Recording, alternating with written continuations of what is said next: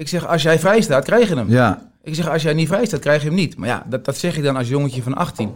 Valt dan ook weer helemaal verkeerd. En dan word je direct als lastig beschouwd. Ja, ik, ik was ook wel lastig. Jungberg, eh Vieira, Henri, Perez, Sol Campbell, Touré, Ja, eh, ja, ja, ja. Lauren, Ashley Cole. Ja, fantastisch. dus ik was echt als een kind in de snoepwinkel daar. tuurlijk. Ja. Ik was trots dat ik achter Bergkamp op een gegeven moment eh, stond. Dat ik bank zat voor Dennis Bergkamp. Ik gaf wel op een gegeven moment, eh voelde ik mij wel geroepen om echt mijn mening te geven waar het beter kan. Ja. Om met Arsenal kampioen te worden. Ik zeg, desnoods gaan jullie een klein beetje in de min. Mhm. Ik zeg, wat iedere andere club doet. Ik zeg, en haal je gewoon toppers binnen. Eigenlijk die, die wedstrijd, van heel veel wedstrijden tegen Spanje, hadden we die echt kunnen winnen. En toen eh, kwam die bal dus iets te ver voor mijn gevoel, want ik wilde hem aannemen. En eh, toen dacht ik van, die kassiers, ja, kerst. ja, dan maar omhoog. Zo.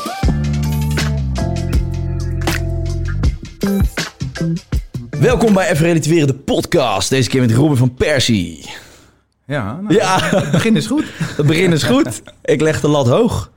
Ja, ik ben blij dat je er bent. Eh, Ik zei het al tegen je op eh, Instagram. Toch mijn jeugdheld die hier tegenover mij zit. En eh Schelen we niet zoveel, toch? hoe oud ben jij nu? 36, 37? Jij hebt je huiswerk niet gedaan, hè? Nee joh, maar ik bereid me nooit voor eigenlijk. ja, maar ik wil je ook niet beledigen. Want ik, als ik nu zeg 40, dan weet ik dat niet. Nee, jij bent 37. Oké, ja, klopt. Zie je En wel. jij? Eh, 31. ik ben 30. Eén- Oké, Ja. 30. Nee, maar ja, ja, kijk, weet je, wij komen uit dezelfde stad en eh, ik ben toch wel een klein beetje chauvinistisch.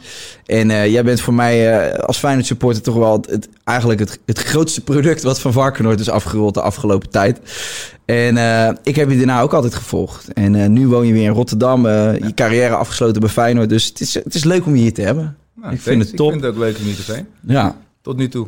tot nu toe. Ik ga zorgen dat de sfeer goed blijft. Eh hey Robin, je bent eh, opgegroeid in Kralingen, toch? Ja. Kralingen in Rotterdam, ja. Yes. Ja, hoe, hoe was jouw jeugd daar? Ja, hartstikke leuk eigenlijk. Ik heb eh, eh, tot mijn zesde bij mijn moeder gewoond, samen met mijn twee zussen. Ja. En toen eigenlijk op een heel leuke manier ehm, eh, ben ik toen bij mijn vader gaan wonen. Die woonde aan de andere kant van Kralingen. Dus je ouders waren gescheiden? Ja, Oké. die, eh, vanaf een jaartje of toen ik vijf was, waren Ja. die gescheiden. En, of tenminste uit elkaar, ze waren nooit getrouwd. En eh, dat is eigenlijk altijd heel goed in harmonie is dat altijd gegaan. Ehm, eh, ik maakte op een gegeven moment de opmerking eh, dat de pleintjes eigenlijk leuker waren bij mijn vader. Dan kon ik veel meer voetballen. Ja. Welke pleintjes waren dat in Kralingen? Voor de mensen die, niet uit Rotterdam komen, sorry, ik zal dadelijk een beetje van deze dingen afstappen, maar Ja, Dit is echt voor de Rotterdammers. ja, dit is voor de Rotterdammers. Pleintje Oude Dijk, ja, oké. Ja. ja, tuurlijk. Pleintje Vredenoord. Ja. Eh, nou, als je de boezem overging, dan eh, kwam je bij Schuttersveld. Ja. Je had, eh even kijken, bij Oostplein had je in die wijk nog, bij, eh, even kijken, hoe heet dat, bij de Beneden Zeedijk. Ja. Ook twee pleintjes. weer. Klopt. Ja. Dus de pleintjes waren heel goed verdeeld. Dus ik kon op een zondag of op een vrijdag na school, kon ik, kon ik gewoon de pleintjes afgaan. En dan was het gewoon zoeken, waar zijn de meeste kinderen? ja. En daar moest je dan zijn. In de tijd voordat je met een telefoon al je maten al kon Ja. bellen, je ging gewoon naar buiten om te zien of ze er waren. Ja, en dan gingen we gewoon die pleintjes af. En dat was bij mijn moeder in de buurt. Die woonde meer in, de, eh, chique, eh, in het chique gedeelte, bij de Plaslaan, de Ja. Plaslaan. Dus daar had je ook wel pleintjes, maar ja, echt, eh, niet echt voetbalpubliek, zeg Nee. maar, in die tijd. Dus toen maakte ik die opmerking en toen is dat balletje een beetje gaan rollen. En toen hebben we het verdeeld. Toen ben ik eh, eerst, even kijken, van maandag, dinsdag bij mijn vader, woensdag bij mijn moeder. En dan om het weekend weer bij mijn moeder. En zo ging het eigenlijk tot mijn twaalfde, dertiende, tot de middelbare school, eh, ging het eigenlijk op die manier. Ja. En eh, dat ging eigenlijk altijd hartstikke goed. Dus ik heb een ontzettend leuke, vrije jeugd gehad. Ook heel vrij. Mijn ouders zijn allebei eh, kunstenaars. Oké. Eh, dus dat merk je ook wel in de opvoeding. Ja. Ehm, ja, nee bestaat eigenlijk niet. Ehm, alles kan en mag. En ja, ehm, natuurlijk loop je dan wel eens ergens, ergens tegen de lamp aan. En eh, dat hoort er ook bij als kind. Maar ja. Ja. ik kon bijvoorbeeld als een eh, vriendje mij vroeg om bij hem te spelen of slapen of logeren, noem maar op. Dan, dan was het voor mij altijd, ja, tuurlijk. En sommige andere vriendjes, die moesten dat vragen. En Mm. moesten we voorbereiden. En ja, hoe laat dan, wanneer dan en zo. En dan dacht ik echt van, ah, hoezo dan, weet je wel. Ja. Weet je, bij mij ook sliepen we met z'n vieren in mijn kleine slaapkamertje. En dan was het op vrijdagavond altijd voetballen. En ehm, zaterdag eh, spelen bij eh, Feyenoord dan in Ja. die tijd. Eh, vanaf mijn dertiende. Ja, want daarvoor speelde je bij Excelsior, Ja. toch? Ja, klopt. Vanaf mijn vijfde tot mijn dertiende bij uh, ja, Excelsior. Fantastisch leuke club. Ehm, echt een familieclub. Heel veel mensen werken er nu nog steeds. ja, die, mooi. die ook toen werkte. Nou, dus, dus, dat geeft al genoeg aan. En ehm, ja, ik heb daar ook een ontzettend leuke tijd gehad. Ik was, ik was echt onderdeel van die club. Zelfs op mijn vrije, toen ik een jaartje of negen was, op mijn vrije woensdagmiddag. Hielp ik bij training geven bij die kleintjes vanaf 5, 6, Ja? 7 jaar oud. Toen, toen je zelf een jaar of 13 was dan? Nee, nee, nee, toen ik een jaar of 8, 9 was. Oké. En dan eh hielp ik Aad Putters, dat was mijn oude trainer ook bij de F'jes. Ja. En die, en die bleef dan daar hangen toen die tijd. En die trainde die gastjes. En toen vroeg hij van mij, hey Robin, hij zegt, eh, wil je komen helpen? Ik zeg, ja, tuurlijk. En, hij, en dan hielp ik die gastjes. En dan plakte hij in zijn eigen tijd nog een eh, extra training voor mijn rechterbeen en het koppen aan vast. Ja. En dan ging ik daarna vanaf een uurtje of eh, drie, vier was dat, ging nog lekker eh tafeltennissen. Lekker eh, in, in, in de kantine. En ik, ja, ik, ik, ik hoorde echt bij die club. Je was kind aan huis ik daar. was kind aan huis. Ja. Het was een fantastisch leuke periode was dat. Ja. Maar op een gegeven moment moest ik wel een keuze gaan maken. Want Sparta wilde me heel graag hebben. Excelsior, die besefte ook wel dat het voor mij wat tijd was om door te gaan. En, en waren jouw ouders ook betrokken bij, bij het voetbal? Ja, Ja, dus Ja. die hebben altijd aan de lijn gestaan en... eh, ja, eh, ja, zeker weten. En eh, we hadden ook in de onder... Er was toen de D'tjes. Dat is nu volgens mij... ben je volgens mij 11, 12 nu. mhm. Ehm, gingen de ouders ook superleuk met elkaar om. Die carpoolen naar, naar ehm, uitwedstrijden. eh, ook eh, ja, toernooien in het buitenland. En Ja. Die gingen hartstikke leuk met elkaar om. Dus iedereen was wel echt gewoon vriendje van elkaar. Die ouders gingen leuk met elkaar om. En vanaf dat moment besefte ik eigenlijk van... Oké, wacht even. Toen, toen werd ik voor het eerst een beetje gekozen als beste speler. Ja. Ik, kreeg een beetje erkenning. Dus ik dacht van, oh, wacht even. Terwijl tot op die leeftijd was ik nooit echt bezig met... eh, wie er nou beter was of zo. Ik was gewoon, ik was gewoon plezier aan het maken Ja. elke dag. En eh, toen... Maar het begon ro- rond, rond die... Wanneer begon je te merken dat je, dat je, dat je beter was of eh, beter werd gezien dan, eh dan ja, rond die leeftijd, rond 10, 11. Ja, Toen eh, kreeg ik wat door van, hmm, wacht even, ik ben wel beter als, als die en beter Ja. als die. En die vrije ballen gaan wel lekker. En eh, toen kreeg ik al een beetje een linkerbeen wat, eh, wat, wat, een beetje op iets begon te lijken. ja, En ehm, ja, dat was gewoon een heel leuke tijd. En toen kwam best wel snel het besef van, oké, als ik wat meer wil, dan moet ik, dan moet ik een stap gaan maken. ja. En toen zaten mijn vriendjes op een gegeven moment op Toorbekken. Dat was in middelbare school. Ja, voor topsport, hè? Voor Ja. topsport was dat. En toen moest ik een keuze maken. Ga ik naar Sparta of ga ik naar Feyenoord? En ehm, ja, toen eh, was mijn eerste gedachte van ik ga naar eh, Sparta. Mhm. Want een aantal vriendjes speelden daar ook. Lorenzo Rimkes, Imro Neus speelde daar. Ja, En toen dacht ik van ja, dan kom ik gewoon jullie spelen. ja. En toen eh, was ik ook al wel goed met de directeur, Simon Kelder. Ja. Nu nog steeds trouwens. Echt een Excelsior man. Fantastische man is dat. ja. Spreekt nog steeds heel vaak. En die zei van, Robin, hij zegt, eh, spring nog even één keer, één keer bij mij in de auto. Hij zegt, we gaan nog eventjes praten met Feyenoord. ja. Oh, hij is met jou meegegaan? Ja, hij Wat zegt, tof. en dan kan je naar Sparta. Ja. Weet je, dus hij duwde mij een beetje die kant, omdat we een eh, ja, samenwerkingsverband hadden toen de tijd.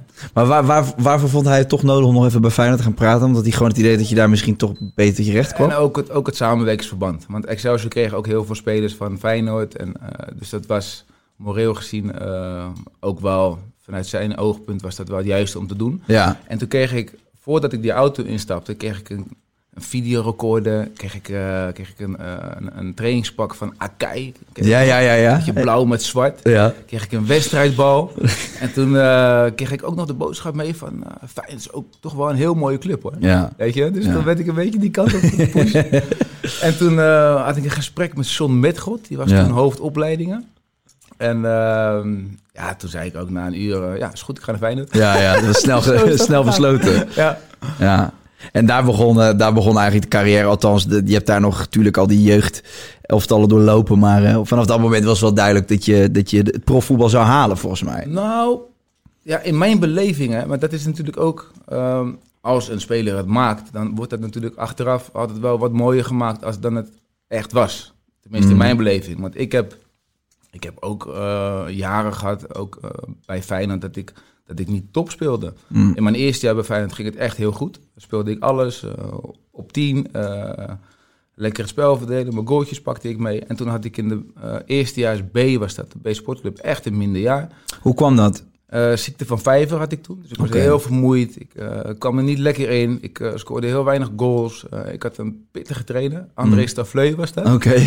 En dat is natuurlijk wel goed op die leeftijd. Dat je een beetje pittige trainer hebt. Maar op dat moment was dat voor mij gewoon geen match. Nee. En ehm, ik was na vier stappen al helemaal kapot. Dus ik had toen echt een minder jaar. En wisten ze ook dat je de ziekte van vijf had?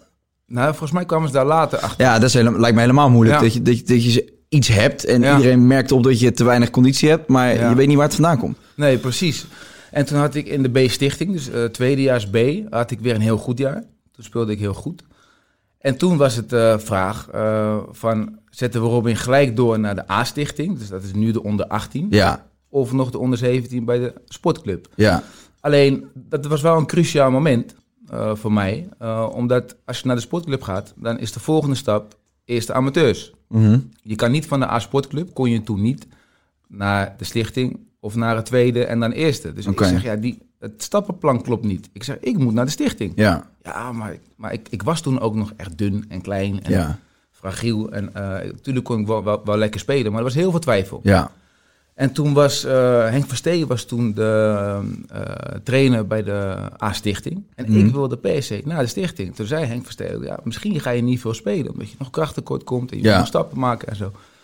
Nou, oké. En toen eh, dacht ik van, nou, ik zie dat niet zitten. Want ik wil wel door kunnen. Als het heel goed gaat, dan wil ik gelijk door kunnen pakken. En ehm, toen heb ik met Sparta gesproken. En die hadden ook weer interesse. En toen dacht ik van, nou, ik ga naar Sparta. A-stichting, want dan kan ik gelijk door. ja. En toen was het met een beetje kunst en vliegwerk was het van, nou, oké, Robin, toch maar door naar de A-stichting. Dus je hebt het eigenlijk wel zelf afgedwongen toen. Ja, ik, ik was daar wel heel duidelijk in. Ik Maar wel goed dat je dat op die leeftijd, tot, dat je toen al zo voor jezelf opkwam. Ja, soms iets te veel ook. Als ik Ja, nee, daar komen, daar komen we later op. Komen we Nee, maar je had in ieder geval heel duidelijk zoiets van... nee, dit is het stappenplan. Wat ik, maar dat is goed, dat, ik vind dat ook goed. Ik vind het ook positief. Ja, en toen haalde hun dus een Braziliaanse speler. ehm, eh, die echt heel goed was. Die was, die was Wie was dat? Ja, ik ben even zijn naam ehm, weet ik niet meer. Oké. Maar er was een nummer 10. Die Ja. was, die was eh, fysiek sterker. Die was technisch Ja. en snel. Ja, die had alles. Dus ik dacht al van ja, kansloos. Ja. Maar ik dacht, oké, weet je, ik zit in ieder geval in die stichting. En we gaan kijken hoe het nu eh, verder gaat. En ehm, op een gegeven moment eh, speelde hij echt fantastisch. Ik, ik mocht af en toe invallen en, en de oefenwedstrijden speelde ik. En het ging op zich oké. Ja. Voor een eerstejaars aatje. Mhm. En toen eh, was het januari en toen kwam die speler niet terug. Dus ik een beetje rondvragen van, waar, Waar is die? waar is die? Ja. Ja, paspoortprobleempje. Nee joh. Je hebt zijn paspoort gewoon gejat, hè? Dus ik, ik dacht, yes, Ja. weet je. Dus, dus toen kreeg ik mijn kans. En toen Ja. in de tweede helft van dat seizoen eh, scoorde ik echt aan de lopende band. En toen eh, speelde ik ook echt heel goed. Ik denk dat ik- 20 goals of zo. Ik denk dat ik recentelijk nog beelden van jou heb gezien van, van die periode. Die stonden op F12 volgens mij of zo. Waarin jij eh, echt de ene bal naar de andere Ja, bal periode. Ja, heerlijk man. Die vrije maar dat was dus allemaal in de tweede seizoenshelft. Ja. Bizarre samenloop van omstandigheden. Toch? Ja, zeker weten. Maar, maar het, het wordt nog eh vreemder. Omdat Ja. op een gegeven moment had ik dus een heel goed jaar. Of een heel goed tweede seizoenshelft. En dat volgende jaar, als tweedejaars aatje, speelde ik in de A-stichting. En ook het tweede. Ja. En toen had je nog, dat, dat was helemaal niet een tijd van. ehm, eh, nu moet je op dag twee rust houden. En dan dag drie kan je weer wat meer doen, Ja. et cetera. Toen was het gewoon zaterdag spelen met de A. Maandag speel gewoon met de tweede. En elke week precies hetzelfde riedeltje. En eh, ja, dus dat eh, deed ik. Ik speelde in de A'tjes, ik speelde in de tweede. En eh, al mijn collegaatjes, die, eh, en dan heb ik het over echt goede spelers ook hoor. Said Boeta, Ja. Danny Buis, Ja, de ja, trainer van Groningen, Melcy van Driel, eh Glenn Loverts, eh Sievert Sprokkel, ehm Davide Pedrini zat daar toen net wel. Net Er zaten best wel veel jongens ook die in Jong Oranje zaten, toch? Ja, Ja. ja. die waren heel goed. Ik ook. Ja. Dat is ook weer ander verhaal is dat. Ja. Maar eh, dus op een gegeven moment, eh, vlak voor mijn debuut, kregen al die gasten hun kans. Maar ik Mhm. niet. Terwijl ik dacht van, ik schiet ze erin bij de stichting, Ja. Ja. peer ze erin bij, bij het tweede. Ja. En ik dan? ja. Dus toen werd ik alweer een beetje eh, onrustig eigenlijk. En toen weer, weer met Sparta bellen. dat Sparta komt elke keer maar terug. Heel zijn abonnement eh, op ingesteld om met Sparta te kunnen bellen. Ja, en toen was Van Hanegem daar trainen. Ja. En eh Van Hanegem zei van, ja, ik neem eh, Van Persie Ja. en Boeta. En jullie gaan spelen ook bij mij. Ja. Dus ik zeg, nou top. Van Hanegem heeft sowieso volgens mij altijd wel oog voor de jeugd, toch? Ja. Dat is een beetje zijn kwaliteit altijd geweest. Ja. Dus toen is dat zo een beetje doorgegaan. En uit het niets kreeg ik een belletje van Van Stee van eh, bereid je maar voor, want, want je mag meetrainen bij één. Ja. Nou, ik denk top. Dus ik eh trainen echt voor alles gegeven tijdens die training. Ja. helemaal bont en blauw. Want je, waren natuurlijk allemaal in één keer mannen. Ja, tuurlijk, ja. En ik was wel, wel iemand van de straat. Ik ging gewoon, ik zocht al die gasten gewoon op en ik pingelen. en Plein voetbal natuurlijk, ja. Ja. ja. Ik had helemaal geen angst. En ehm, ja, dus toen dacht ik van, nou top, nu weer door. En toen werd ik weer teruggezet. Ja. Toen was het weer bij de stichting en weer tweede. Ik ja. Ik denk weer. Nou, in de tussentijd kregen al die gasten de kans. En toen, ehm, eh, in mijn laatste fase had ik op een gegeven moment een eh, wedstrijd bij de stichting. Die daar speelde ik goed, scoorde ik twee of zo. En toen moesten we uit tegen Utrecht. En toen eh, kwam Bert van Marwijk, dat was Ja. toen de trainer bij Feyenoord, die kwam toen kijken uit bij Utrecht. En toen scoorde ik een vrije trap, hele mooie. Ja. En een, nog een andere goal. En ik, ik, ik speelde echt heel goed. ja. En toen dacht ik ook voor die wedstrijd, dus ik ook zoeken van, komt die iemand, is die iemand van het eerste? Weet je, dat gevoel. ja. En toen zag ik hem lopen. Ik denk, oké, Nou ga ik knallen. dit is mijn moment. Ja, ja. Dit moment pak ik. En ehm, toen dacht ik ook wel van, oké, als ik nu goed speel en volgende week zit ik niet bij het eerste, dan ga ik alsnog naar Spanje. Ja, En, eh, sleutelmoment was dat Ja, dat eigenlijk. was wel voor mij even een key momentje. Ja. Dat ik dacht van, nou, nu moet het gebeuren. En het gebeurde. En toen kreeg ik het belletje op maandag. Van, eh, je moet je melden bij één. want En wie belt jou dan? Belt Bert van Marwijk jou dan? Of? Nee, Verstee, volgens mij was het Verstee. Iemand van de jeugd Oké. En toen, ehm, en toen kreeg ik het belletje. En toen Leonardo, die eh, speelde aan het eerste. Smollerek, die had als een minuten gemaakt. Smollerek was... Er was iets mee met Smollerek. Mm. Leonardo geblesseerd. Ehm, nog een andere was ook iets weer mee. Dus kijk, weet je wat het is? Je kunt wel goed zijn, maar je moet ook eh, geduld hebben, sowieso.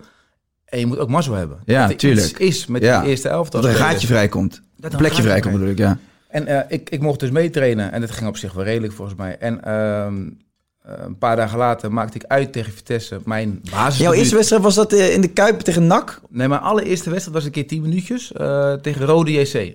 Ja, die Ja. wonnen ze 5-1 of zo, toch? Eh, ja, die wonnen we 5-0, stonden we al Ja. 5-1, 5-0 voor. En toen mocht ik nog even 10 minuten. Oké. Maar dit moment ging natuurlijk om het basisdebuut. Ja, En die andere gasten, die, die mochten dan een beetje aan ruiken. Erin en eruit, erin en eruit. En ik mocht toen spelen uit tegen Vitesse. En ik speelde lekker, gewoon vrij en mijn acties maken. En ehm, ja, dat was wel een soort van statement. En toen dacht ik van, oké, nu ben ik er, nu ga ik er blijven ook. ja, En ja. toen heb ik dat jaar heb ik toen uitgespeeld. En ehm, eh, toen hebben we ook nog de Europa Cup gewonnen, Ja. UEFA Cup. ja. Ehm, 2002. Ja.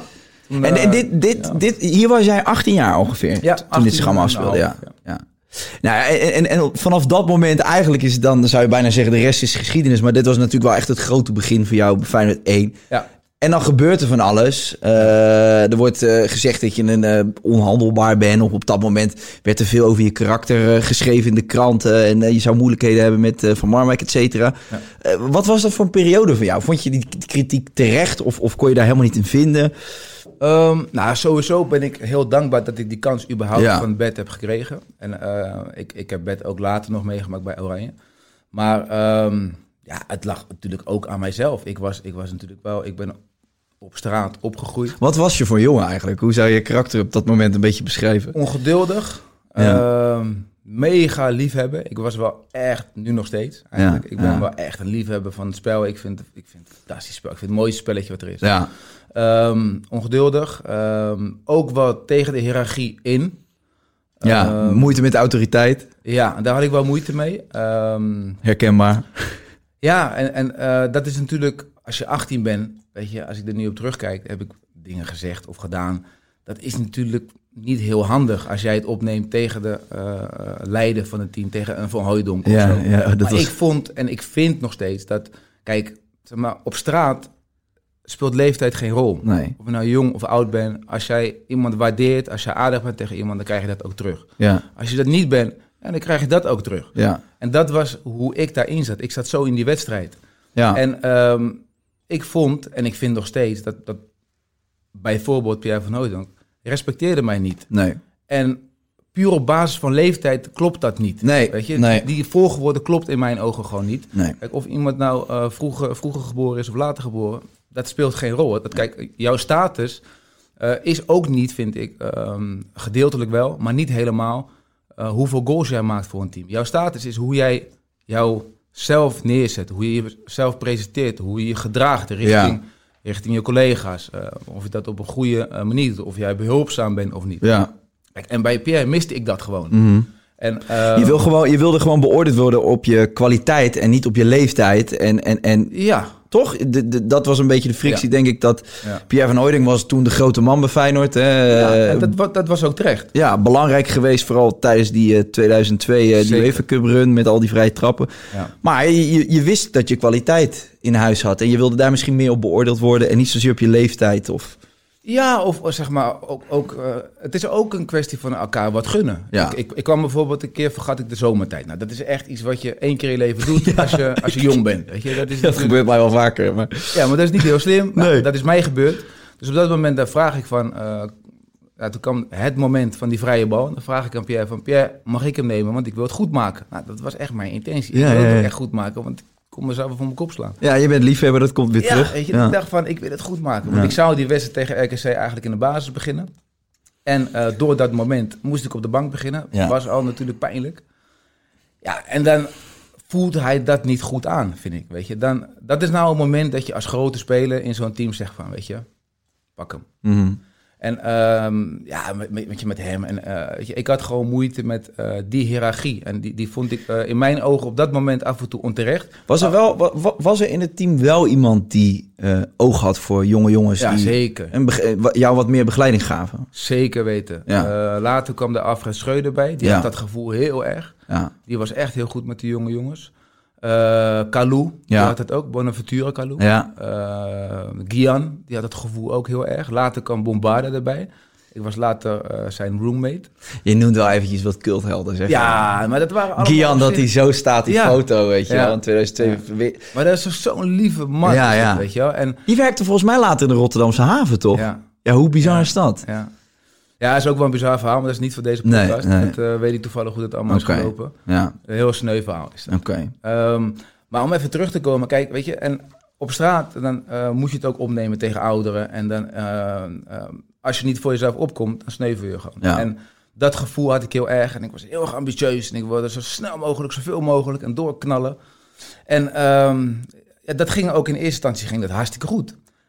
Maar dan kom je ook in de, in de grote mensenwereld. Mhm. Weet je? En ik dacht van, ik had op een gegeven moment, na een paar maanden, eh, zat ik lekker erin. En als ik, als ik er lekker in zit, dan ga ik hakjes geven. En dan, dan Ja. zit ik gewoon in het moment.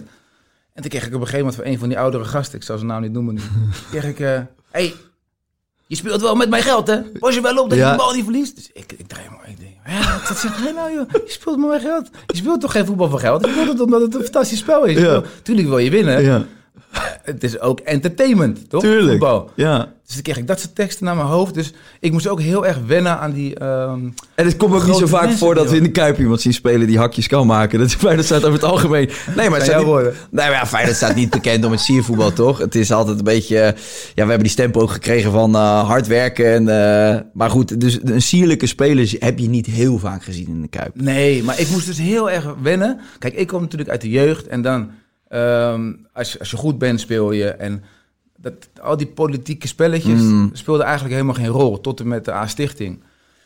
En dan kom je in die grote mensenwereld. En dan eh, komt op een gegeven moment de speler naar me toe en die zegt... eh, hey, als jij die bal niet op mij geeft, dan eh, speel jij zondag niet. Ik zeg, ja, ik zeg, daar is de trainer Ja, volgens mij. precies. Ja. Ja. Dus dat, dat kon ik dan ook niet plaatsen. dacht ik van, hoezo zegt die speler dat nou tegen Mhm. mij... dat als ik de bal niet op hem speel... Ik zeg, nou, ik zeg, als jij vrij staat, krijg je hem. ja. Ik zeg, als jij niet vrij staat, krijg je hem niet. Maar ja, dat, dat zeg ik dan als jongetje van 18. Valt dan ook weer helemaal verkeerd. En dan word je direct als lastig beschouwd. Ja, ik, ik was ook wel lastig. Ehm, maar dat had ook met dit soort dingen te maken. Dat ik gewoon, dat ik sommige dingen kon ik niet connecten. Dan denk ik Mm. van, dat, dat klopt gewoon niet. Ja. De Volgorde klopt gewoon niet. Als dan een speler dat tegen mij zei, dan ongeacht leeftijd, zei ik van, ja, maar dat is niet, niet de volgorde, maat. Dat is de trainer en die maakt die keuze, niet jij. Maar hoe stond Ja. Bert van Marwijk daar op dat moment in dan? Koos hij een kant? Had hij begrip voor jouw frustraties? Of Ja, werd je wel. niet gehoord? Had dat hij wel. Ja, Oké. wel, zeker wel, jawel. Ook toen de tijd, eh, de relatie met, met Bert. eh, kijk, weet je, en ik heb nu, later ook natuurlijk, heb ik ook wel ingezien dat sommige dingen, ja, je, had ik ook misschien niet kunnen zeggen. Maar aan de andere kant, Je bent heel jong hè, als je 18 bent. ja, je bent nog een kind. Ja, weet je, tuurlijk, En dat man. is ook Ja. waar mensen benaderen dat ook soms vanuit de verkeerde hoek, is dat heel veel mensen benaderen een jongen van 18 als een volwassen speler. Ja, dat omdat hij op televisie komt en omdat hij in de kuip loopt. Maar dat zegt niks. Dat zegt Ja. helemaal niks. Je bent nog kind, Ja. weet je wel. En ehm, ondanks dat ik ja, best eh, lastig af en toe was en best wel eh tegendraads, ehm, vond ik wel dat, dat ik af en toe iets meer begrip had, Mm. had moeten krijgen, weet je. En dat, dat was er gewoon niet. Dan is het gewoon medogeloos. En dat is die grote mensenwereld. En daar moet je ook weer je weg in vinden. En die weg die heb ik best wel snel eh, gevonden, denk ik. Ehm, en ik moet ook wel zeggen, om even terug te komen over... ehm, nu geef ik ook af en toe trainingen. En eh, nu zie ik ook wat erbij komt kijken om een groep te leiden. Ja. eh, wat er allemaal eh, bij komt kijken. Eh, je bent constant blus- ja, brandjes aan het blussen. Je bent constant bezig. Eh, Dan eh, is de een teleurgesteld die niet speelt. Dan Precies, ja, eh, ja. heeft weer pijn. Ander dit en dat. Alleen dat al managen is wel echt een serieuze job. hoor. Dus ik Ja, je hebt als trainer ook elf kinderen die, bij- of elf, eh, die- 25. 25 kinderen bedoel ik, en elf Ja. mogen er spelen. Ja, Zo- en de anderen zijn boos. Ja, de anderen zijn boos. Ja, nee, klopt. Dus het is, wel, het is wel echt lastig. En toen was het ook voor Bed lastig. Hij heeft het gewoon fantastisch gedaan. En ik ben Bed hartstikke dankbaar dat hij mij die kans heeft Ja. gegeven. Want kijk, je moet niet vergeten, zonder die eerste kans, ja. dan, dan weet je niet wat er gebeurt. Je Nee. ziet heel veel goede spelers. Ik heb door de jaren heen echt fantastische spelers gezien. Wel, Misschien betere spelers als mij nog, Mhm. die die kans niet kregen. Nee.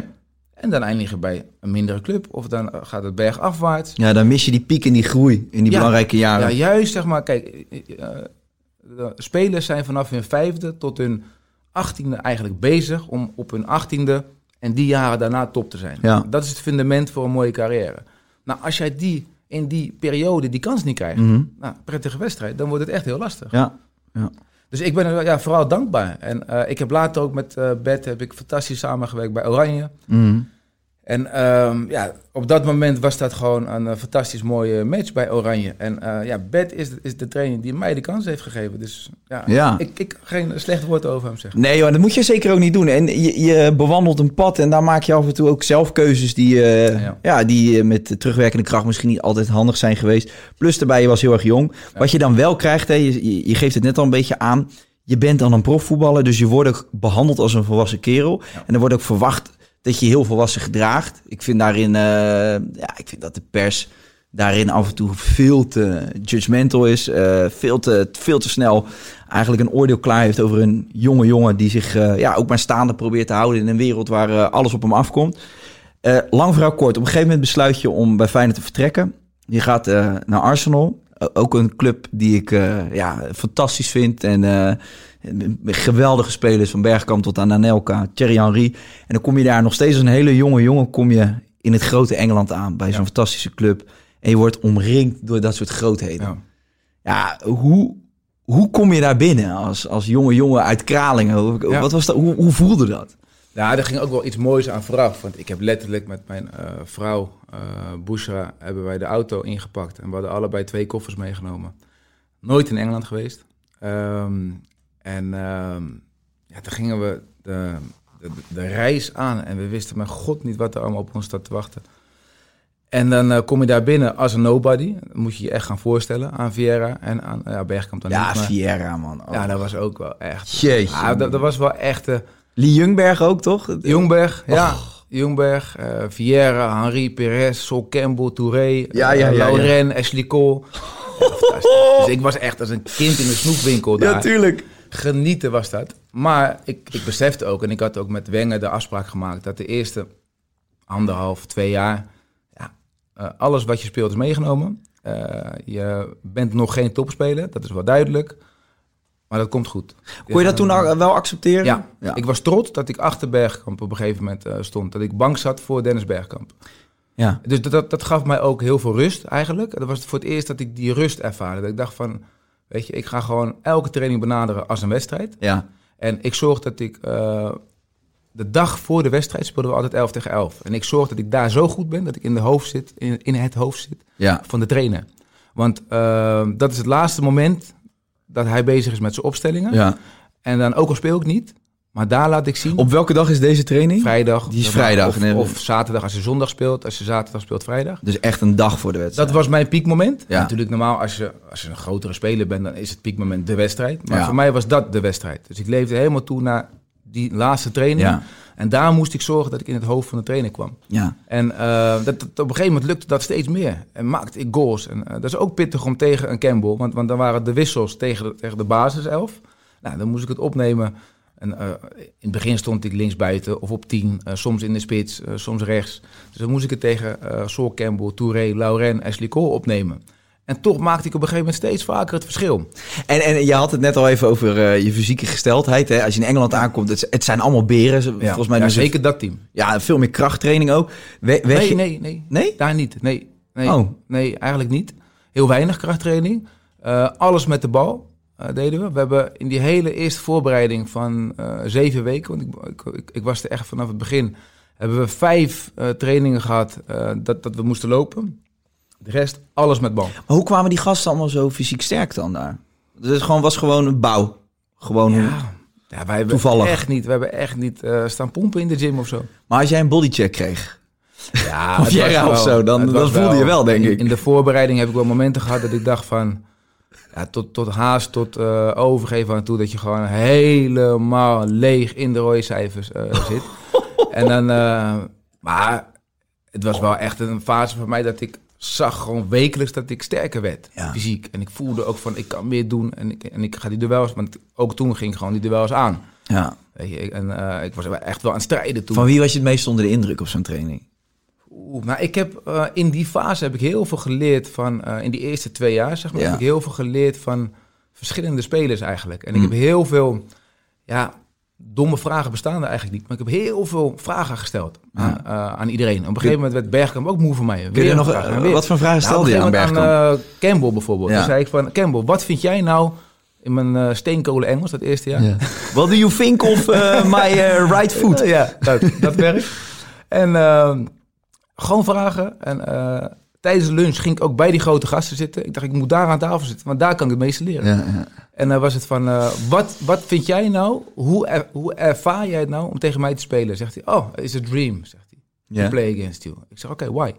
Nou, hij zegt, ehm, hij zegt, omdat jij geen loopacties in mijn rug maakt. Hij zegt, omdat jij ehm, eh, niet goed genoeg vrij loopt, omdat jij eh, aan, gewoon lekker aan de bal wil komen, lekker in je voeten. Hij zegt, dat, dat is dan leuk. Hij zegt, maar you have to ehm, ehm, ehm, pressure me ehm, in my game, zegt hij. Dus ik moest hem questions eh, vragen. ja, dus ja. ik moest in zijn spel moest ik eh, zodanig spelen dat hij een keuze moest maken. Hij zegt, nu hoef ik geen keuze te maken, zegt Mhm. Hij.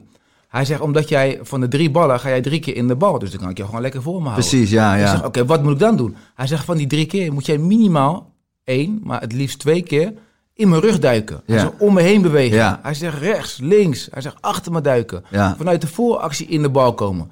Nooit stilstaan. Dacht ik, oké, dus ik heb alles opschrijven. Ja, dat schreef je echt op Ja, ja, ja. Ik, ik, ik maakte echt notes daarvan. En ik dacht van, nou oké, als ik van die gasten eh, wi- wil winnen tijdens de training, dan ehm, moet ik daar wat mee doen. Want puur in ja, duels verlies ik het van Touré. Verlies ik het ook van. Campbell, verlies ik het van al die gasten. Maar toen dacht ik op een gegeven moment, wacht even. Als ik nou om hun heen ga bewegen, dat is ook vervelend als je in iemands rug staat. Weet je? Ja. Dat weet je misschien zelf ook wel. Hmm. Als je iemand moet dekken en die gozer staat dan rechts, dan achter, dan links. Nou, Ja, ik heb zelf natuurlijk ook op het hoogste niveau gespeeld, dus ik ken dit allemaal. eh. Ja. Bij Barcelona was dat voor mij ook moeilijk hoor, dat eerste jaar. nee, ik kan, ik, Ja. kan je, ik kan je wel redelijk volgen. Ja, en Bergkamp heb ik, heb ik vooral eh, geleerd van hoe hij eh, ja, tactisch stond.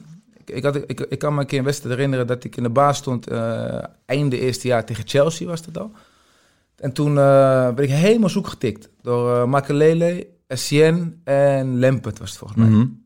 En over mijn tweede jaar was dat volgens mij. ja. En toen ging ik naar Dennis toe. Ik zeg, Dennis, ik zeg, help me even hier. Ik zeg, ik word helemaal zoek getikt. Tijdens de wedstrijd? Of? In de rust. In de rust, ja. En toen eh, zei Dennis ook van, nou, als je nou net even anders gaat staan, Mhm. als je net even wat meer open gaat staan, dan hebben we vanuit die andere middenvelden dan druk zetten in plaats rechtdoor. Ja. Nou, dat soort kleine tips heb ik heel veel aan gehad. Sowieso het kijken naar hun spel, hoe hun... eh, Leek jij nou in spel veel op eh, Bergkamp? Voor mijn gevoel wel. Bergkamp is uniek. Bergkamp, eh, niemand lijkt op hem. Niemand komt bij hem in de buurt. Dat is, dat is zo'n unieke, mooie, fijne stijl. Dat, Is- die eh, wordt niet meer gemaakt, hè? Nee? Nee. Is het voor jou... Ik, ja, ik, ik, ik had op een gegeven moment... Ik was dan altijd fan van, van Feyenoord en Arsenal. Ik had op een gegeven moment een DVD... eh, volgens mij met de, de 100 mooiste Ja. goals van Bergkamp. Ja, ongekend. Ah, die goal tegen Ja. Newcastle. Dat hij, iedereen kent hem. Dat, Ja. dat hij dat pirouetje doet zo. Waanzinnig. Ja. Maar ik had wel, voor mijn gevoel als voetballeker... en ik snap dat je, dat je hem heel hoog hebt zitten... en dat je zegt Zeker, van, ik wil niet in één adem genoemd worden. Maar eh, dan, dan de speelstijl. Was dat die de, veel... Ja, ik weet niet. Voor mijn gevoel leek dat een nee, beetje op elkaar. Bergkamp was echt een, eh, echt een spel verdelen. Echt een spel maken. Een teamspeler, echt die... eh 20 assists per jaar gaf. Eh, het, het was niet echt een, een spits, weet je. Het was, Meer een echt team, tussen toch? de- Echt een team. Ja. Echt een ouderwetse team die je Ja. nu eigenlijk niet meer ziet. Nee. Nu, nu zie je heel veel teamspelers, die, dat zijn allemaal lopers. Ah. Weet je, die komen in de 16 en die spelen box to box. En dat zijn Mhm. een beetje buffeltjes. En Dennis was echt zo'n oldschool, à la Riquelme was ook zo'n type op zijn eigen Ja. eh, stijl. Eh, echt zo'n oldschool nummer 10 spelverdeler die die spits wegstuurt en die links en die rechts buiten. Ehm, weet je, echt een fantastisch, ongekend mooie speler. Maar ik heb daar dus ook heel veel van geleerd, puur door het kijken naar de keuzes die hij maakt. En dat is ook wat denk ik een van mijn positieve dingen door mijn carrière heen, een van mijn kwaliteiten, dat ik heel goed oplet. Ja. Ik let gewoon heel goed op wat andere mensen doen. Ik blijf altijd, in de basis blijf ik sowieso mezelf. Je moet nooit mensen willen nadoen. Ik heb ook heel veel spelers door de jaren heen. Eh, ik heb ook spelers bij Oranje gehad. En die gingen dan de eh, heupschot van Henri nadoen. ja. Ja, en dan denk ik bij mezelf, ja, dat is van Henri. Wat was het heupschot? Wat, ja, wat dat was daar de tactiek achter? Zwiepen was dat dan. Dat je Ja. een soort zo... Vanuit stilstand of zo? Ja, Ja. haast vanuit stilstand en dan, of één stap en dan die, heel die heup erin gooit. Maar dat is heel, weet je, kijk, dat, dat is niet van, eh, dat is van hem. Ja. Dat moet je respecteren. Ja, ja. Dat, daar mag je van ja, genieten, maar je moet het niet willen kopiëren, vind ik. Je Nee. moet het nooit kopiëren. Je kan wel leren van iemand. Je kan wel kleine dingetjes uit eh iemands sterke punten halen, maar niet kopiëren. En dat heb ik ook nooit gedaan, maar ik heb wel altijd heel goed opgelet van hoe een Perez vanuit de combinatie speelt. Dus ik dacht van, nou ik kan dat ook wel toevoegen aan mijn spel. Dat ik en zeg maar die actie hou. Want dat is wel een beetje de basis van mijn eh, vroegere spel, zeker in de jeugd. Je, die eh, dribbelen en opzoeken. Maar uiteindelijk is het dus ook een serieuze optie om vanuit de combinatie iemand te passeren. Want het gaat er uiteindelijk om dat je iemand voorbij komt. Ja, ja. En dat hoeft niet altijd met een vierdubbele schaar. Weet je, en zo eh, merkte ik dat ik in die eerste twee jaar vooral ja, zoveel leerde en zoveel beter eigenlijk werd. Maar wel grappig dat je, je je verwacht dan als aanvaller, dan zoek je voornamelijk eh, advies bij een andere aanvaller. Maar dat je ook naar die verdedigers juist toe ging om te zeggen: Ja. van, Oké, wat, wat, wat vind jij nou eh, ervan om tegen mij te spelen? Ik vind Ja. dat heel grappig dat je daar dan ook aantekeningen van maakt. Ja. Do- doen veel voetballers dat? Of, of Nou, dat raad ik ze wel aan. Omdat, kijk, weet je, elke actie ja, moet je eigenlijk in stukjes Ja. maken. En ehm, kijk, een wereldactie, bijvoorbeeld die goal van Bergkamp, daar gaat heel veel aan vooraf. Dat, Ja. dat, dat is zijn voorbereidende loop, dat is zijn touch, het snel reageren op waar die bal gaat komen, het wegduwen van die speler, de goede hoek pakken, zodat Ja. die diagonaal rechts met zijn rechterbeen kan wegstoppen. Ja, dat, dat is natuurlijk kunst en dat is prachtig. Maar in die drie, vier seconden van die hele actie, inclusief zijn vooractie, ja, gaat alles op, op, de, op de hoogste handelingssnelheid. Um, Hierbovenin ook. eh, reageert hij supersnel. Heeft hij heel snel gezien waar de keeper staat, waar hij naartoe moet. Ja, dat gaat zo ongekend snel. Kijk, Maar dat, kan je toch niet allemaal leren? Dat zit toch ook gewoon soms in iemand? Dat is gewoon bijzonder talent. Bedoel, ja, ook wel. Toch? Maar uiteindelijk moet je ook wel moet je, eh, super slim zijn om dat allemaal in een paar seconden allemaal aan elkaar vast te plakken. Maar ja, hij, hij doet het dus ook echt in stukjes. Ja. En ehm, ja, dat, dat zie je bij een Jungberg ook. Die is ook toen de tijd, dan was hij met zijn loopacties van rechts naar binnen en erachter. Ja. En dat heeft ook allemaal met timing te maken. Wanneer vertrek je? Hoe wil je hem hebben? Hoe staat je lichaam?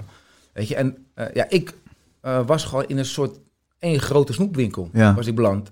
En ik kon gewoon leren van de absolute toppers. Want hun waren... en iedereen had een specifieke kwaliteit. Ja, Ja. ja. en eh, ik heb dat in levende lijven elke dag ja, mogen meemaken Wie, wie, wie was de grote man in de kleedkamer daar? Vieira was de baas. Ja? Dan hield je echt je mond als die aan het praten. Ja, dat was de baas. Maar eh, ik vond zijn manier ook wel ehm, ja, heel erg fris. Het was, Mhm. het was van...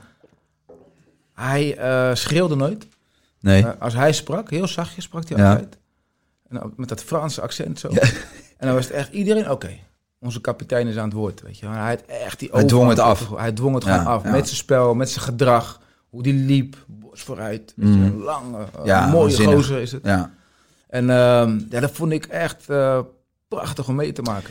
Hoe, hoe veranderde jij in zo'n groep? Want je bent in, eh, ja, bij Feyenoord toch weggegaan, ook omdat je af en toe van je liet horen. En dat je vond dat bijvoorbeeld een Pierre van Hooijdonk eigenlijk ja, eh, van die hiërarchie af moest en eh, jou gewoon op je kwaliteit moest eh, beoordelen.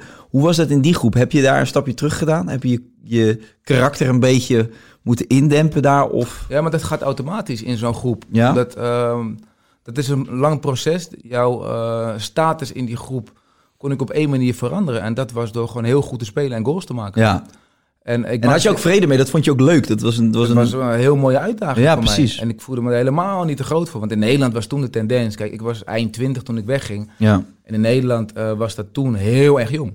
Ja, ja, begin 20 bedoel je. Nee, ik was eind 20 toen ik naar Arsenal ging. Eind 20? Ja. Ja. ja ik ging in eh, juni ging naar Arsenal. En in augustus werd ik eh 21. Ja, oké. eind 20. Nee, ik bedoelde dat je bedoelt eind van je 20 jaar. Nee, ik denk... eind- sorry. ja, eind 20. En ehm, eh, ja, dus, dus ik, ik kende mijn plek hier. En ik, ik heb gewoon anderhalf jaar lang de tijd gehad om mijn eh, plek in die groep te vinden. Ja. En dat was gewoon door keihard werken.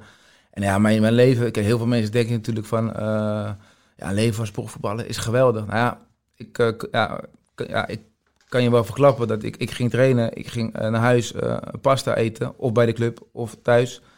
En eh, slapen en rusten. En ehm, wedstrijden terugkijken. En eh, andere voetbalwedstrijden kijken. En dat was het. En ik denk dat je in Engeland ook moet oppassen met die roddelpers daar. Als je daar... eh, ja, op je- zich voor buitenlandse spelers zeker ook.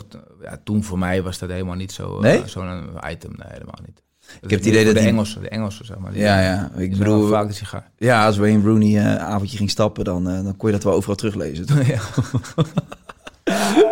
Maar goed, die liet ook wel wat sporen achter her en der volgens mij. Maar hoe, hoe, hoe, hoe was jouw, hoe, hoe was jouw eh, band met de, met de Engelse pers dan op dat moment? Nou, op zich wordt de Engelse pers bij de clubs eh, echt wel op afstand gehouden. Ja, Dus je hebt eh, af en toe een interviewtje, één keer in een week of één keer in de twee weken. En dat wordt dan heel, st- heel strak, wordt dat dan na tien minuten, is echt tien minuten. ja. En dus die, die worden wel op gepaste afstand gehouden. Ze mogen ook niet, tij- niet bij de trainingen zijn. Dus alleen bij de eerste 10, 15 minuten. En dan gaan ze weer. En als jij zo'n interview geeft, staat er dan altijd een persvoorlichter bij jou die seintjes geeft ook en zo? Ja. Ja? Ja, ja, Dus heb je wel veel aan gehad ook in die tijd? Ja, en ik, ik, heb, ik heb sowieso, eh, moest ik Engels leren überhaupt. Nou, Ja. eh, dus ik heb, ik heb wat lesjes gehad en ehm, ik heb het meeste geleerd door gewoon te praten met Ja, iedereen. En dat ging heel snel. Ik had binnen, binnen een jaar eh, sprak ik gewoon redelijk goed Engels. Ja. En ehm, ja, eh, du- dus dat is wel even, eh, ook dat was even op iets andere manier geregeld. En als je dat met nu vergelijkt, nu is het nog strikter. Ja. Eh, de afgelopen jaren is het nog allemaal meer in hokjes. En, ja. Nu moet je een mond- mondkapje opdoen als je een Ja, interview geeft. Ik versta helemaal niemand meer. Lekker wedstrijd. ja, echt hè. Nee, dat was, dus, dus je werd daar wel goed in begeleid op dat moment. Ja, wel, zeker wel. Zeker wel. En Arsenal is, is gewoon ook een heel grote club. Was dat toen al. Arsenal, toen ik naar Arsenal ging, we hadden net de dubbel gewonnen. en dan speelde je je eerste wedstrijden op Highbury, heette het toch? De eerste twee jaar heb ik op Highbury gespeeld. Ja. En daarna pas naar het Emirates. Ja. Dat was toch dat fantastische stadion gewoon in. Het is er nog steeds, maar ze hebben er nu appartementcomplex van gemaakt. Maar gewoon in die wijk daar in. Londen. Ja, ik vind dat, dat is voor mij Engels voetbal. Ik vond Highbury ook eh verreweg het mooiste stadion waarin ik heb gespeeld. Eh, was het publiek, dat leek bijna als het publiek op het veld stond. Je hier, hier de zijlijn hebt, dan staat het publiek op anderhalf meter. Ja joh, fantastisch. Geweldig. Het was helemaal geen groot stadion. Er konden er 40.000 man in of zo.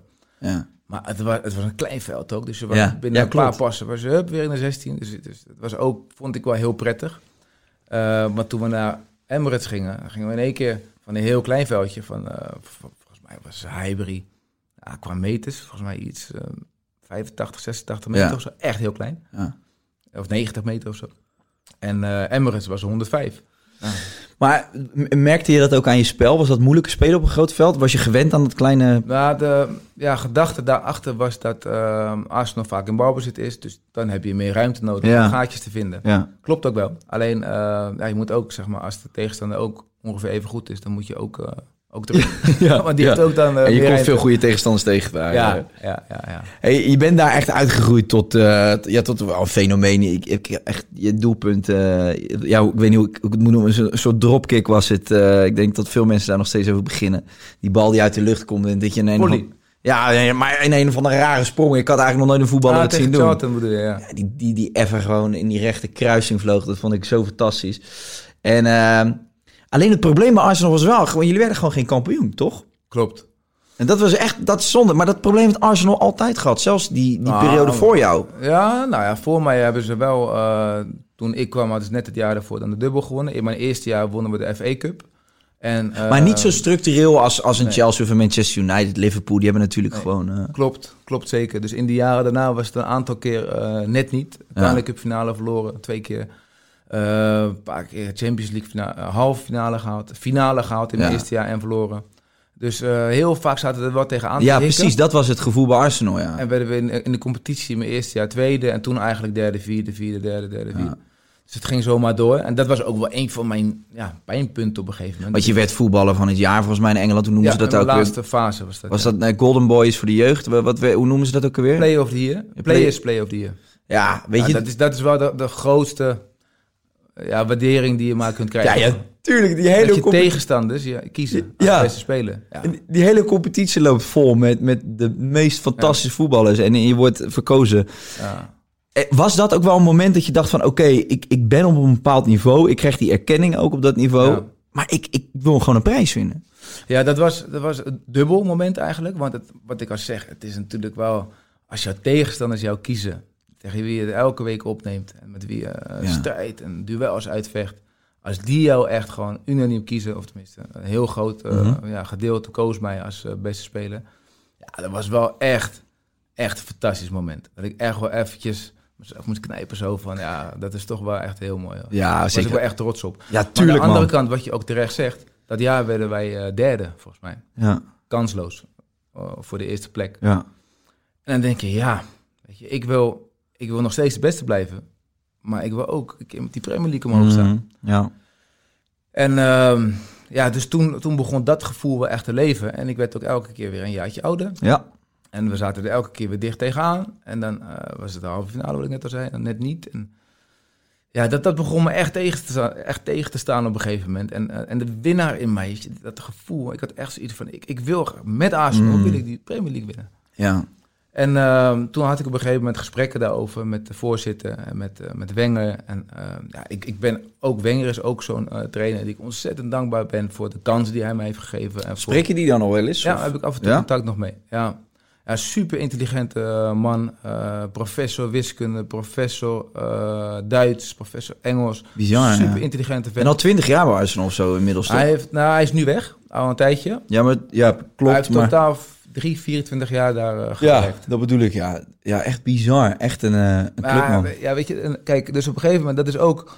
Op een gegeven moment hadden wij zo'n band opgebouwd. Ik, ik werd op een gegeven moment aanvoerder, ik was een topscorer, ehm beste speler van de competitie gekozen. Nou, dat is allemaal geweldig, maar ik wilde ook door. En dan, dan is er dus, net hadden we het over mijn status van dat jongetje wat binnenkwam. Ja, Maar toen was ik wel gearriveerd en toen was ik de aanvoerder en de topscorer. En dan ehm, zit je ook anders in de wedstrijd zeg Ja. maar, bij de club. En, eh, dus dan praat je ook over veel meer dingen. En, dan, ehm, en eh, ja, ik ben, weet je, sommige mensen denken dat ik eh, in mijn laatste fase ruzie met Wenger heb gehad of zo. Nou, ik heb tot de dag van vandaag nog nooit met, met de beste man ruzie gehad.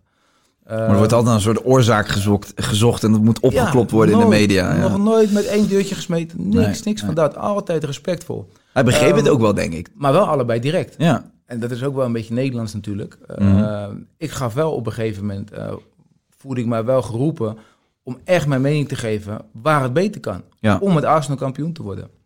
En wat waren dat voor adviezen? Wat, wat vond je op dat moment? eh, ben, je dan, ben je dan ook op een punt dat je zegt van er moeten nieuwe spelers bij? Of, Ja. Of, ja? Ja. En tactiek waarschijnlijk? Nou, tactiek niet. Want ik, ik vond en ik vind ook dat je... Kijk, het is heel... eh, kijk, je bent speler. En eh, in die groep had ik op een gegeven moment wel echt een bepaalde rol. Van, Ja. ja. ja, voortrekkersrol echt. Ik was de aanvoerder. Dus daar kan je ook wel wat meer zeggen. Maar ik vind dat je nooit op de stoel van de trainer moet gaan zitten over tactiek. Je moet altijd die keuze van de trainer... Dat is zijn werk. Weet je, ik, ik was aanvoerder en speler. Maar ik, Mhm. ik kan niet... Ik, ik ben niet speler trainer, snap je? Dus ik heb nooit tegen hem gezegd over tactiek of dingen. Dat is zijn... eh, Maar hij werk. het wel van jou dat jij eh, eh, ja, met, met, met dingen kwam als van... ik denk dat er andere spelers bij Ja. moeten. Dat, dat kon En- hij wel van je hebben. ook met redenen daarvoor. Ja, Eh, want kijk, ik vind je moet, eh, om te winnen, eh, moet je wel als team een bepaalde mentale toughness hebben. Zeg Ja. maar. Dan moet je wel met corners, moet je, moet je hoofd voor die bal gooien. En dan moet je, kijk, en wij gaven op een gegeven moment, structureel gaven wij wedstrijden weg. Ja. Die we eigenlijk al gewonnen hadden. Mhm. En ehm, dus ik heb wel met hem discussies gehad over, weet je, ik zeg, ik begrijp het. En hij was echt een, een trainer die van het positieve en, en het komt goed en zo. En dat heeft mij ook heel veel eh, gedaan. En eh, daardoor, door die gedachten... Dus je rustig gehouden ook waarschijnlijk. Ja, dat ook, maar daardoor kreeg ik ook wel meer kansen van hem. Als Mhm. ik misschien van een andere k- trainer zou krijgen. Dus het was sowieso een dubbel gevoel. Maar ik zeg, ik zeg trainen, ik word ook een dagje ouder. Ik zeg, er was op een gegeven moment een speler die, ehm, vond ik, op, op cruciale momenten niet omhoog keek. En niet keek wie er dan vrij stonden en zo. Ik zeg, ja, ik vind dat, dit, dat je job is, dat je, dat je hem even aanpakt. Ja, ja. spelen. even gas op. Wie was dat? Of wil je dat niet zeggen? Nee, ja, nee. nee, Nee. Dat eh, maakt niet uit. Eh, Oké. ook, ook een eh, goede, grote speler. Oké. Maar ik vond dat. Dat was mijn beleving, mijn, mijn ervaring op basis van wat, wat op het veld gebeurt. Ja. Nou, en dan, dan, weet je, dan, da- daar hadden we het dan over. Want, kijk, je moet wel... Met corners bijvoorbeeld, moet je jezelf gewoon voor die bal willen gooien. Iedereen heeft zijn positie. Ja. Als, jij, als jij zone dekt, nou, dan, dan ben jij verantwoordelijk voor jouw zone. Alles wat er eh, vanaf jou gebeurt tot anderhalve meter voor jou, moet van jou zijn.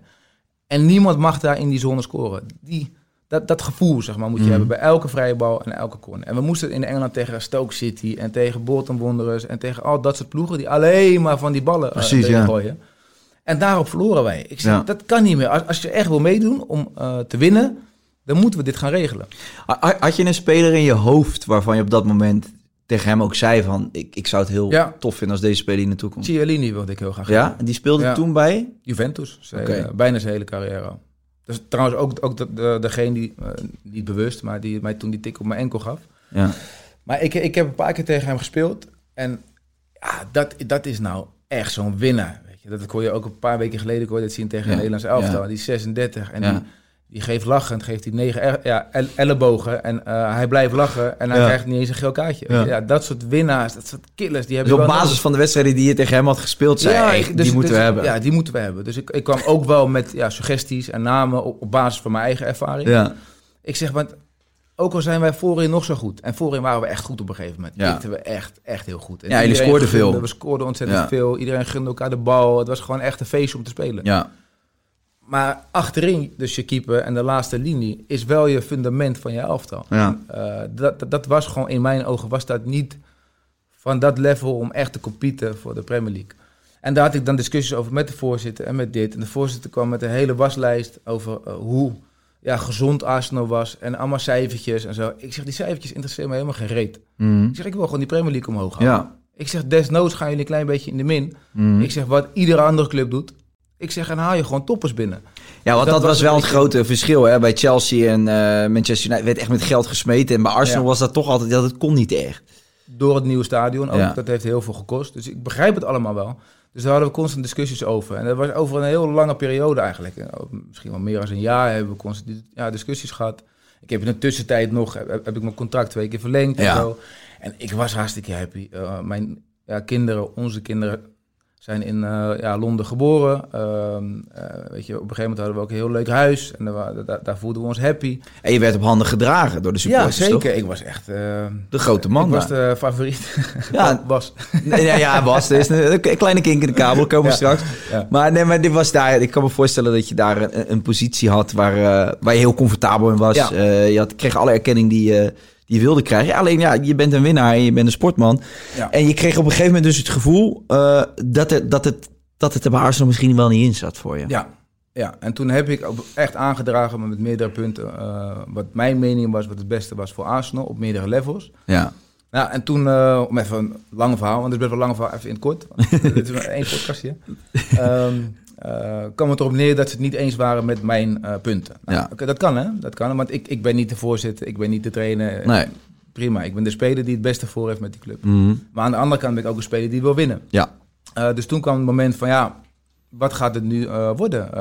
Blijf ik hier of niet? Nou, thuis was dat ook wel, want mijn vrouw was super gelukkig in, in Londen. De kinderen waren happy, die, Ja. die groeiden ook lekker op. Ehm, en ehm, ja, toen eh, kwam, drong op een gegeven moment tot mij wel tot door van ja, ik moet nu wel een keuze gaan maken. En ehm, toen werd wel duidelijk dat ja, in dat proces heeft Arsenal mij ook nooit een aanbieding gedaan. Nee.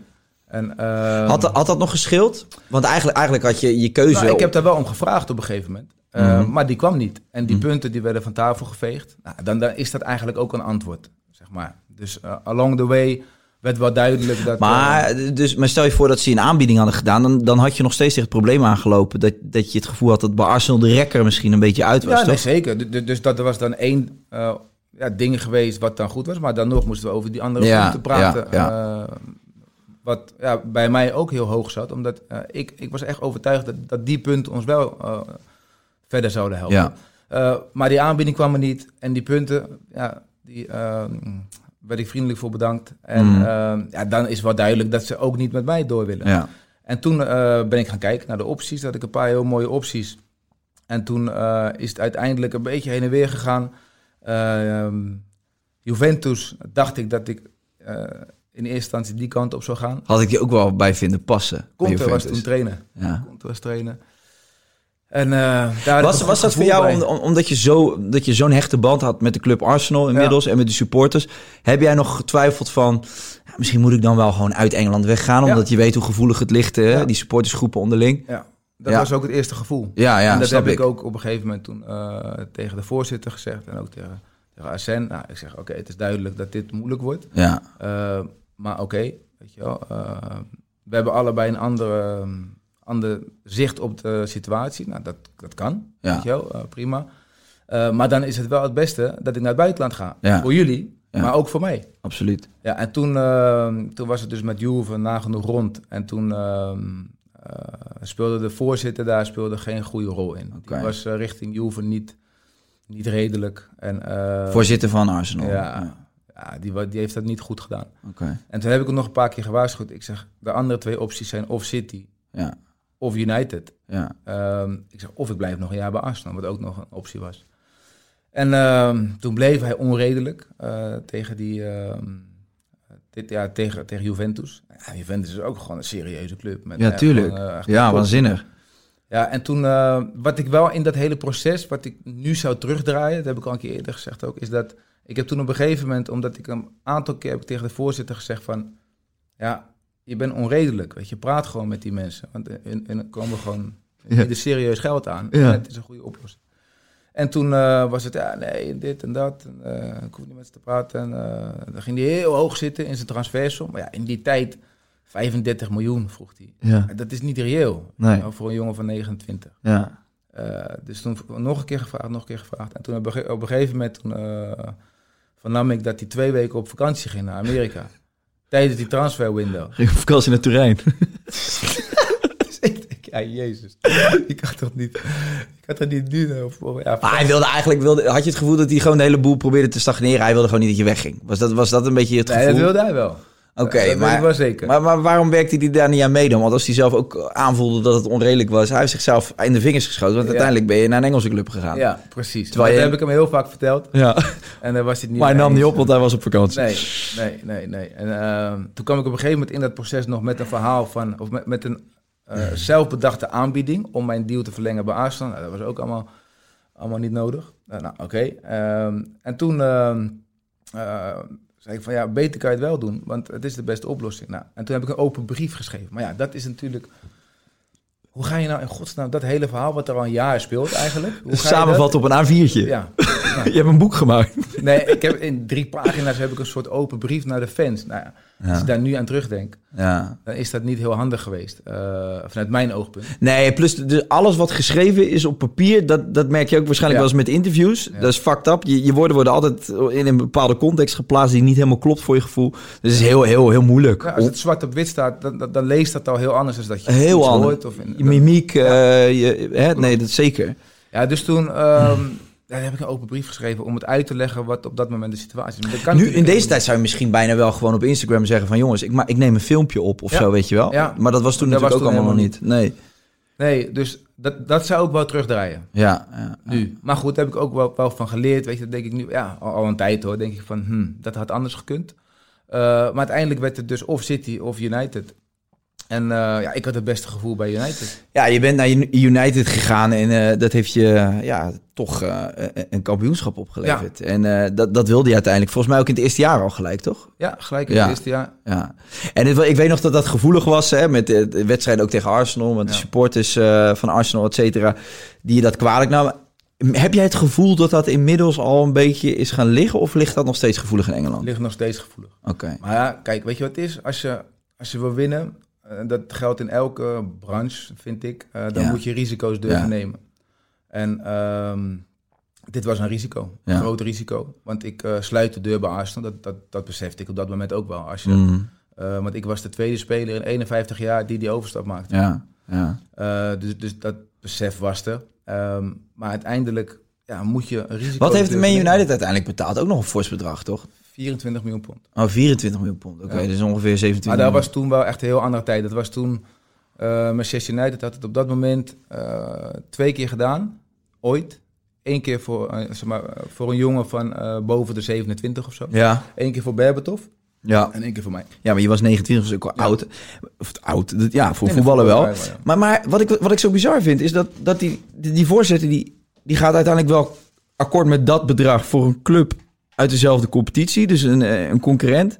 Maar waarom heeft hij je nooit voor dat bedrag gewoon aan Juventus verkocht? Ja. Heb je daar ooit een antwoord op gekregen? Nee. Nee, Oh, gewoon eh, koppigheid en ik zijn ook niet de beste vrienden geworden. ik weet ook niet wie die voorzitter is, dat kan je eigenlijk wel zeggen, toch? Ivan Cassides. Oké. En die, eh, die heb ik dus ook in die open brief, wat ik ook, ook een paar regeltjes had ik gezegd van de voorzitter die vindt het nodig om tijdens de transfer window op vakantie te gaan. Ja, precies. Dus ja. het was wel eh, dat niveau, zeg maar. Ja, dan, krijg je, dan, dan, dan, dan veroorzaak je zelf al direct al een beetje frictie. eh, Ja, en dat mensen een kant gaan kiezen. precies. Ja. Hey, eh, we zitten bijna op een uur. Dus ik, ik, Nu ik- al? Ja, dus ik, zit- ik, ik zit met heel veel plezier te luisteren. En ik wil eigenlijk ook nog zoveel over Man United weten. En, en, en eigenlijk leuke anekdotes uit Engeland. Laten we dat gewoon. Ik snap dat het een hele open vraag is. Maar wat is je eh, Man United, Arsenal bij elkaar, die hele periode daar. Wat is, eh, wat is je mooiste anekdote wat je, wat je daar hebt meegemaakt? Heb je, heb je iets wat gelijk... Nou, ik snap dat het een lastige vraag is over al die jaren dat je daar hebt gespeeld. Maar is Maar we ik, kunnen het ook wel iets meer hebben over eh, privé dingen. Ik ben eigenlijk wel benieuwd of jij je huiswerk hebt gemaakt over mij. Weet jij bijvoorbeeld... dat je aan het paardrijden bent met je dochter? Ja, Nee, nee, maar ik ben wel benieuwd. Ja. Ik ga even een vraag aan jou stellen. ja is goed. Weet je hoeveel huisdieren ik ehm, in Istanbul had? En dan mag je paarden meerekenen. Ik weet dat je, eh, je dochter gek is op paarden en dat jij door je dochter bent gaan paardrijden. En toen- ja, paard- nou ja, je, naam hebben, je hebt er wel eens opgezeten, hè? Ja. ja? Hey, ik, heb, eh, ik heb de foto's gezien. Ehm, dus oké, eh, met paarden erbij. Ik denk dat jij zes huisdieren had. Close. Close. Vijf.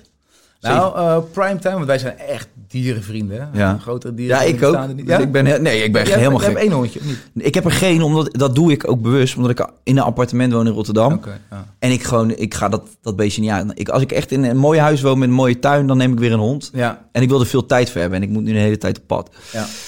Ja, dus wij hadden primetime Istanbul hadden wij eh, twee paarden, Ja. eh, twee konijnen, twee katten Ja. en een hondje. En Jack Russell. Ja. Drukker bestaan ze niet. Nee, nee, dat zijn, de- die zijn echt terror, die beesten. Ja, ja, En hoe ja, doe je dat nu dan? Want je woont nu weer in Rotterdam. eh, heb, je, heb je nog steeds al die dieren van daar meegenomen weer terug Het naar... ene paard is met pensioen. Oké. Nou, dat is ook weer zoiets. Kijk, dat paard konden we ook voor best wel een mooi, mooi bedrag verkopen. Maar dan zeggen mensen van, ja, maar dat paard... Maar dat wilde de voorzitter niet. Paard speelt nu bij Juventus. Nee joh, weet je paard gaat lekker met pensioen, lekker de wei en, en lekker een mooi, eh, mooi, mooi pensioen geven. Dus die staat in Istanbul bij heel Ja. mooi eh, manege. En ehm, ja, we hebben nu weer twee nieuwe paarden, of tenminste we zeg ik, maar mijn dochter en mijn vrouw. Eh, en twee katjes. We Ja. hebben ons eh, katje uit Londen, die, dat, is onze eerste eh, family member, zeg maar, die, die, die doet het nog steeds hartstikke goed. En die is nog steeds bij ons gelukkig. Eh, dat is Cheetah. En Ja. we hebben Simba, dat is een- onze Turkse kat. Oké, Die hebben we in Turkije gekocht. En die is ook bij ons. top. Ja. Ja, ik, vind, ik, ben, ik ben een groot liefhebber van dieren. Ik zou, Ja. als, het, als het de mogelijkheid zou zijn, dan zou ik ook zoveel mogelijk dieren willen hebben. ja. Heb jij, heb jij nooit... Je hebt op, op best wel veel plekken gewoond. eh, nou ja, valt eigenlijk wel mee. Engeland, Turkije, Nederland. Heb je nooit gedacht, als ik met pensioen ga, dan, dan ga ik ergens anders wonen dan Nederland? Ja? Wa- wat, zeker. wat heeft door je hoofd gespookt? Ehm, ja, Londen, eh, Dubai, hebben we ook aan gedacht. Om even na mijn carrière een paar jaar even Ja. lekker eh, in, in de vakantiemode te, te zitten. Ehm, maar dat is ook wel een leuk verhaal. Want op een gegeven moment eh, bij Fenerbahce in Turkije zat ik. En toen kwam ik ook op een gegeven moment op een laatste fase was daar niet zo leuk. Nee. En toen was het ook wel duidelijk dat ik, dat ik een keuze weer moest gaan maken. En toen waren we al op dat moment eh 13,5 jaar in het buitenland non-stop.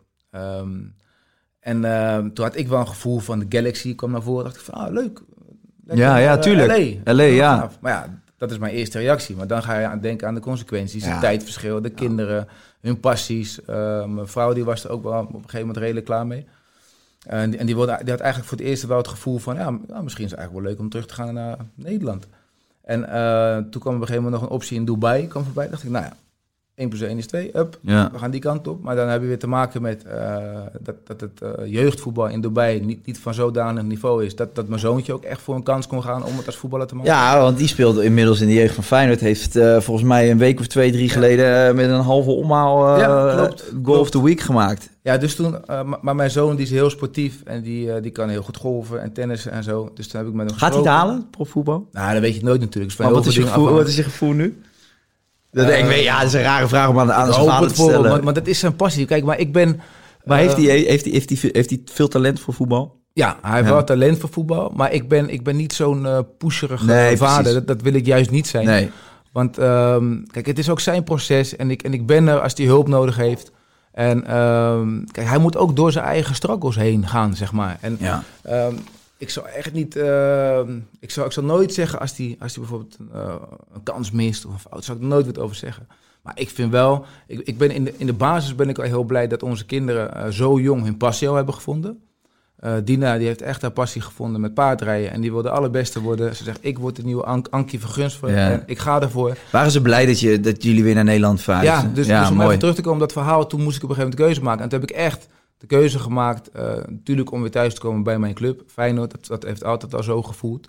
Waar maar eh, ik heel blij ook mee een was. grote, ja, ja, ik ook. Ja, ik heb echt nog een jaartje eh, vol zitten genieten. Ja, thanks man. Ja, ja, ja. Ik weet nog dat de, de, de wedstrijd tegen Ajax, we winnen helaas niet zo vaak van Ajax. Zo realistisch moeten we ook zijn, maar Ja. die wedstrijd was, was niet normaal wat Ja. jij daar aan doen was. Nou ja, wij, weet je, dat, Nee, dat maar je, ook. eh, je, je blonkert. Ik, ik kan die wedstrijd herinneren, want ik was toen naar, eh, ik was toen naar de Vrienden van Amstel geweest, die avond ervoor. Was en je ik- ook in de Kuip toen? Ja, ik was in de Kuip. Ja, dus top. ik was, ik was naar de Vrienden van Amstel geweest. En eh, veel artiesten natuurlijk uit Amsterdam, allemaal van Ajax. En heel veel van die jongens die gingen ook naar de Kuip. Volgens mij Ja. Dreetje Hazes en zo. Die gingen allemaal, allemaal Ajaxiden. En die hadden, ja, Kuitje, morgen pak slagen. En eh, ik zeg, pff, joh, eh, laat gaan. eh, we, we hebben het er morgen over.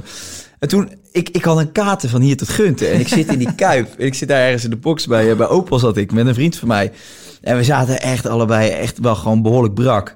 En volgens mij komt Ajax op voorsprong, toch? Ja, Ajax kwam op voorsprong. Door die vrije trap van Schöne, ja. Ja, en ik dacht, daar gaan we weer. Ja, ik heb, ik, ik, heb dat scenario vaker eh, meegemaakt. en ik zit daar, jongen. Ik zeg tegen die ma, pff, jeetje, Mina, serieus, gaan we onszelf dit aandoen, die kwelling met een kater. Ik zeg, ik hoef ook geen bier, doe alleen maar water, alleen maar water.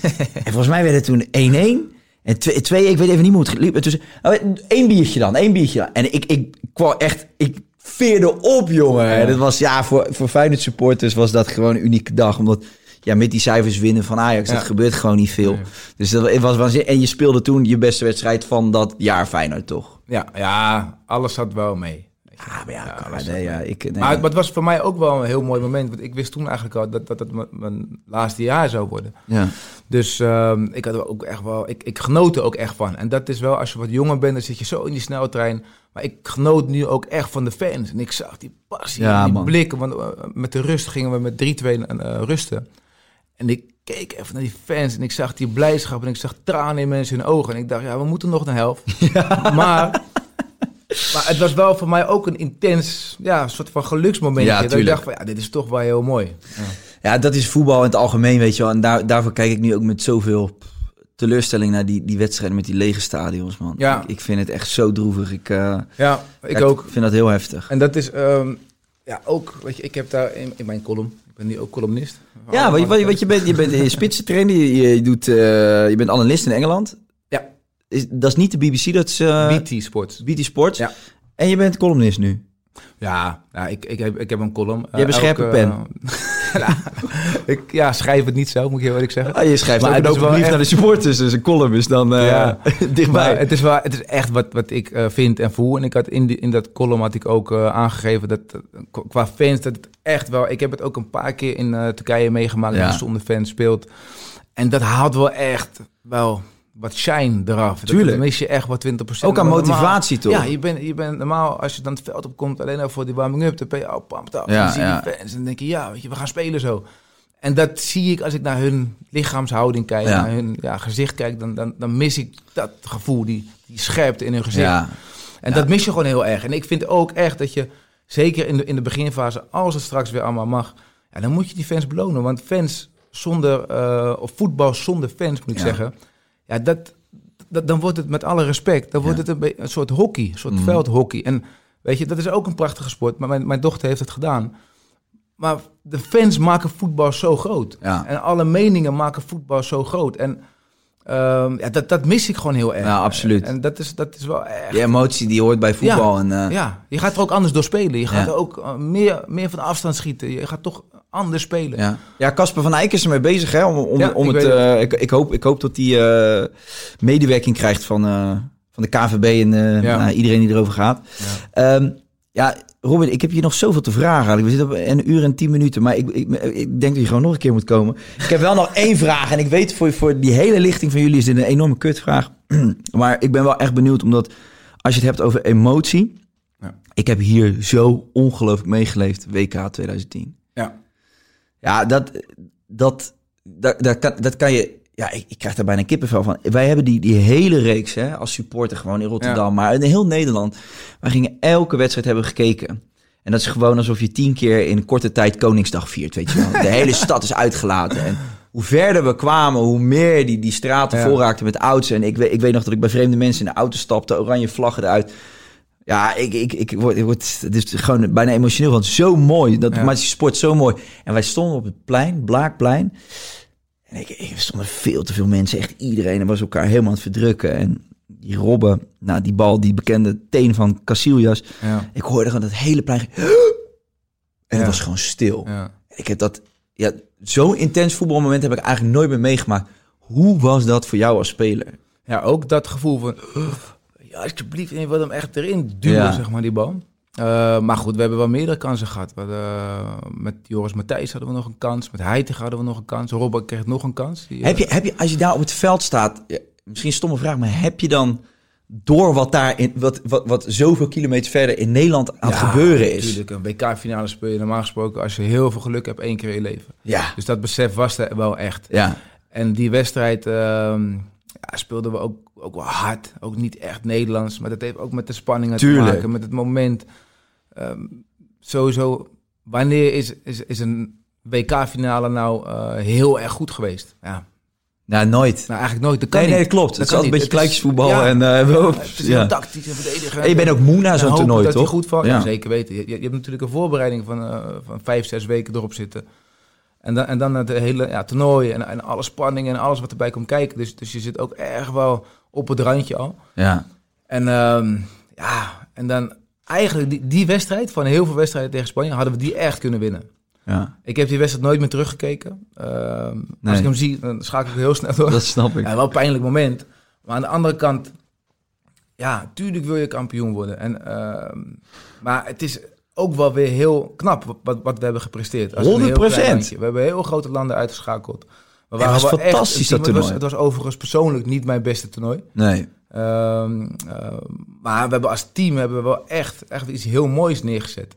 En ja, dat je daar net in de 116e minuut schiet die gozer. schiet die Oh, verdomme. wat eigenlijk, en dat is natuurlijk een beetje mosterd naar de maaltijd, maar vlak voor die goal ha- hadden wij een corner moeten krijgen. Ja, ja. En dat is geen excuus, want dat Nee, nee, wel honderd keer.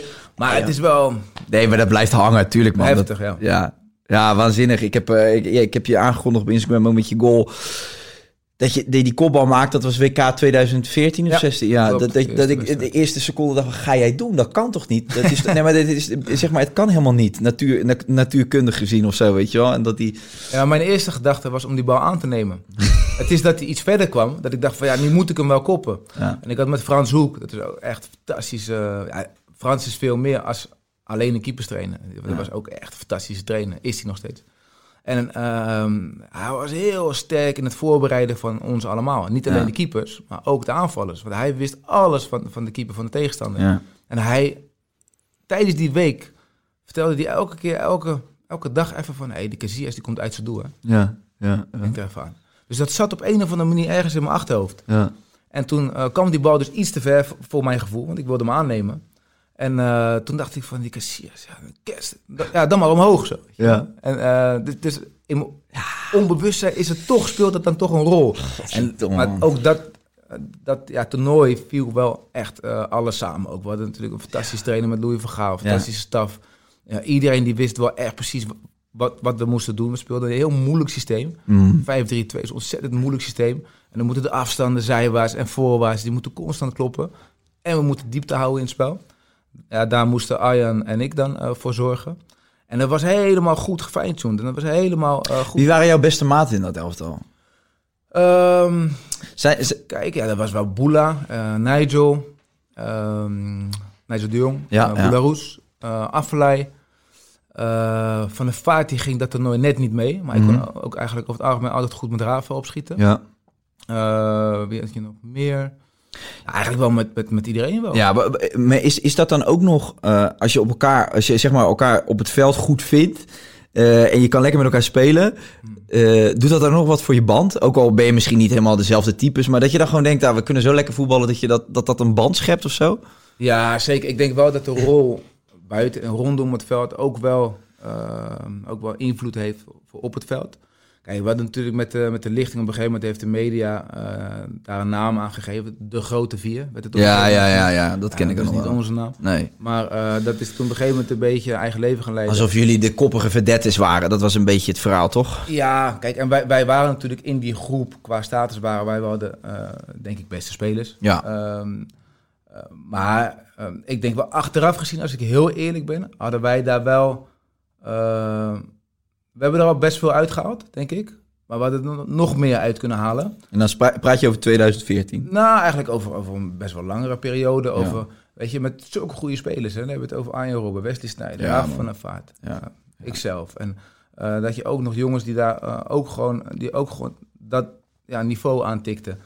Ehm, als ik daar nu op terugkijk, dan hebben we echt wel... eh, die, jongens hebben allemaal 100 plus interland gespeeld. Ja, precies. in ieder geval in de buurt. Ehm, ja, weet je... Ik Ja, je dat bent er topscorer alle denk tijden van er- Nederland zelf Als we nog meer Ja. elkaar gegund hadden, dat er ook nog meer uit eh, gehaald had En, en wat zijn. bedoel je dan met gunnen? Nou, weet je wat het is? Kijk, in mijn ogen hoef je niet de beste vrienden te zijn om eh, samen tot een top, topprestatie te komen. Dat, dat hoeft echt niet. Maar ehm, ehm, ja, weet je, ik heb bijvoorbeeld eh, met het WK, kijk, je moet elkaar benutten op elkaars kwaliteiten. Ja. WK 2010 bijvoorbeeld. Nou, ik Mhm. vond, en, en ik kwam terug van een lange blessure en ik was niet in, eh, in top doen. Ik, Nee. was, ik was fysiek oké, maar ik was niet in mijn... eh, Beste staat. ja, nee. Dus, maar, maar dan kan je ook, zeg maar, ehm, door, zeg maar, kijk, je moet iemand benutten op zijn kwaliteiten, weet je. En eh, dan moet je op het juiste moment het balletje krijgen. En ja, en dat, dat, dat gaat niet alleen mijn kant op, want dat gaat twee kanten op. En die connectie, die had sterker gekund, Ja. vond ik, op het veld. Maar, maar, maar het lijkt mij dus ook zo lastig, dat Nederlands elftal. Eh, Omdat je, je bent zo, ge- je speelt een heel seizoen met dezelfde spelers bij je club. Ja, En dan word je eigenlijk gewoon allemaal op een kluitje gegooid. ja. Natuurlijk, je hebt wat oefenwedstrijdjes. Maar je moet elkaar weer allemaal leren vinden. En Ja. eh, je krijgt zoveel automatismes bij de club mee. ja. eh, dat het best lastig ook is om dan weer met allemaal eh, voetballers die elkaar niet dagelijks zien of spreken. ja. Weer, weer een elftal te smeden. Waarin je ook nog met z'n allen voor elkaar door het vuur gaat. En waar je elkaar ook nog eens wat gunt. Want uiteindelijk is het natuurlijk ook een visitekaartje, dat Nederlands elftal. Dus iedere speler die probeert ook even in die wedstrijd. Tuurlijk. En, en kijk, zelf ook, we waren allemaal ook wel mannetjes. Ja.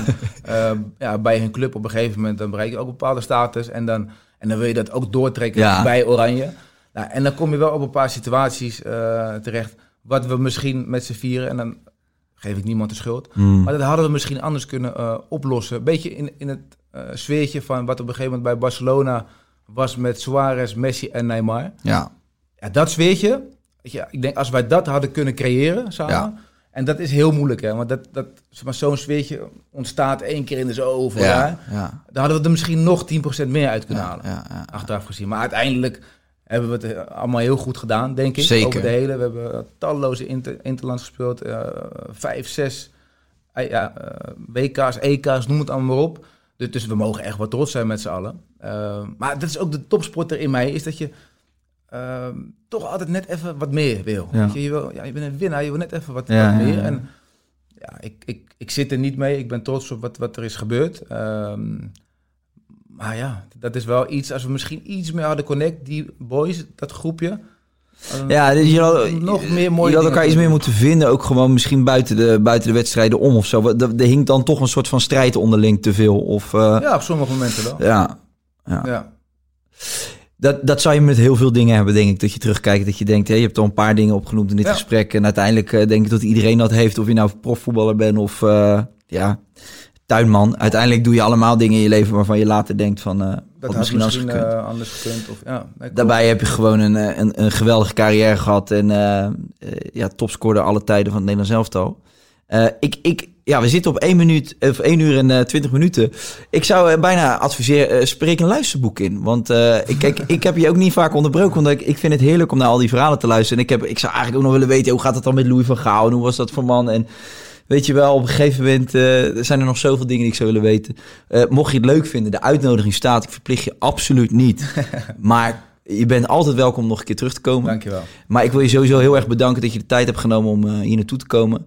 Eh, we gaan elkaar sowieso weer in het Rotterdamse een keer tegenkomen. dus eh, ik hoop dat de horeca weer open gaat. Dan eh, Ja. gaan we lekker even een keer lunchen. Ehm, mensen, bedankt voor het kijken en luisteren. En ik, hoop, ja, ik hoop dat je het leuk vond trouwens. Ik vond het heel leuk. Ja? Hartstikke bedankt dat ik hier mocht zijn. En eh, ja, ik, ik, ik vind ook dat je het fantastisch doet. Weet je? Oh, dankjewel. Ik vind jouw film, ja, misschien is het wel een leuk einde. Ja. Dat ene filmpje wat je eh, vaak doet op de grond, Ja. na zo'n persconferentie. zou, je- zou, je- zou je een kleine versie hier willen doen? dat vind ik wel echt, echt legendarisch. Ja, nou weet je, wat, weet je wat, ik ga erover nadenken en dan doe ik hem de volgende, eh, volgende podcast begin ik ermee. Laat ik- je niet kennen. Nee, maar ja, ik moet een kleine even, versie. Ik moet even een klein liedje verzinnen dan. Eh, wat is eigenlijk het, het naaste wat er gebeurd is op basis van deze podcast? Ja, ja dat het gesprek is afgelopen. Ja. Ehm, Even een kleine freestyle van 10 seconden. ja, dan moet ik eigenlijk gewoon ook op het tapijt gaan liggen. ja, weet je jongens, ja, het Hier is niet anders. Kijk, je bent hier naartoe gekomen vanuit Rotterdam. Het is toch eh, een uur rijden. We moeten er gewoon, eh, we moeten gewoon aan de bak. Oké, ehm, persconferentie is afgelopen. Ja. Potverdomme, ik laat me ook overal verlenen. De hele tafel. Voor de mensen die denken, waar gaat dit over? Voor de mensen die denken, waar gaat het over? Ik, ik ben nog wel eens gefrustreerd na een persconferentie van, eh, van Rutte en die jongen. En dan eh, lig ik vaak op het eh, tapijt thuis en dan, eh, dan zing ik altijd een liedje met mijn frustraties van de laatste persconferenties. Dus ik ga nu eh, proberen een hele korte freestyle te doen. Dan zeg maar dit, lig je zo. Even kijken, Eh, ik moet een paar rijmwoordjes bedenken. Ik wil zo graag tot deze podcast nog eventjes duurt. Het heeft veel te kort geduurd. En nou moet Robin naar huis. En dat vind ik niet pluis. Want wat kan die lullen? Hij kan echt uren vullen. Met zijn gelul over voetbal. Hey Robin, dankjewel. Pot voor drie. Zo. Dames en heren, eh, een uniek einde van deze podcast, maar hij is nu echt afgelopen. We zitten op 1 uur en 20 minuten. Dankjewel, Robin. Trouwens? Eh, nee, eh Robiette, of nee, ja, nee, Jesse Klaver, die zat op eh, 1 uur en 30 minuten. Oké. Maar ik heb er wel drie gehad vandaag, dus... eh, hey, mensen, doei doei! Doei doei!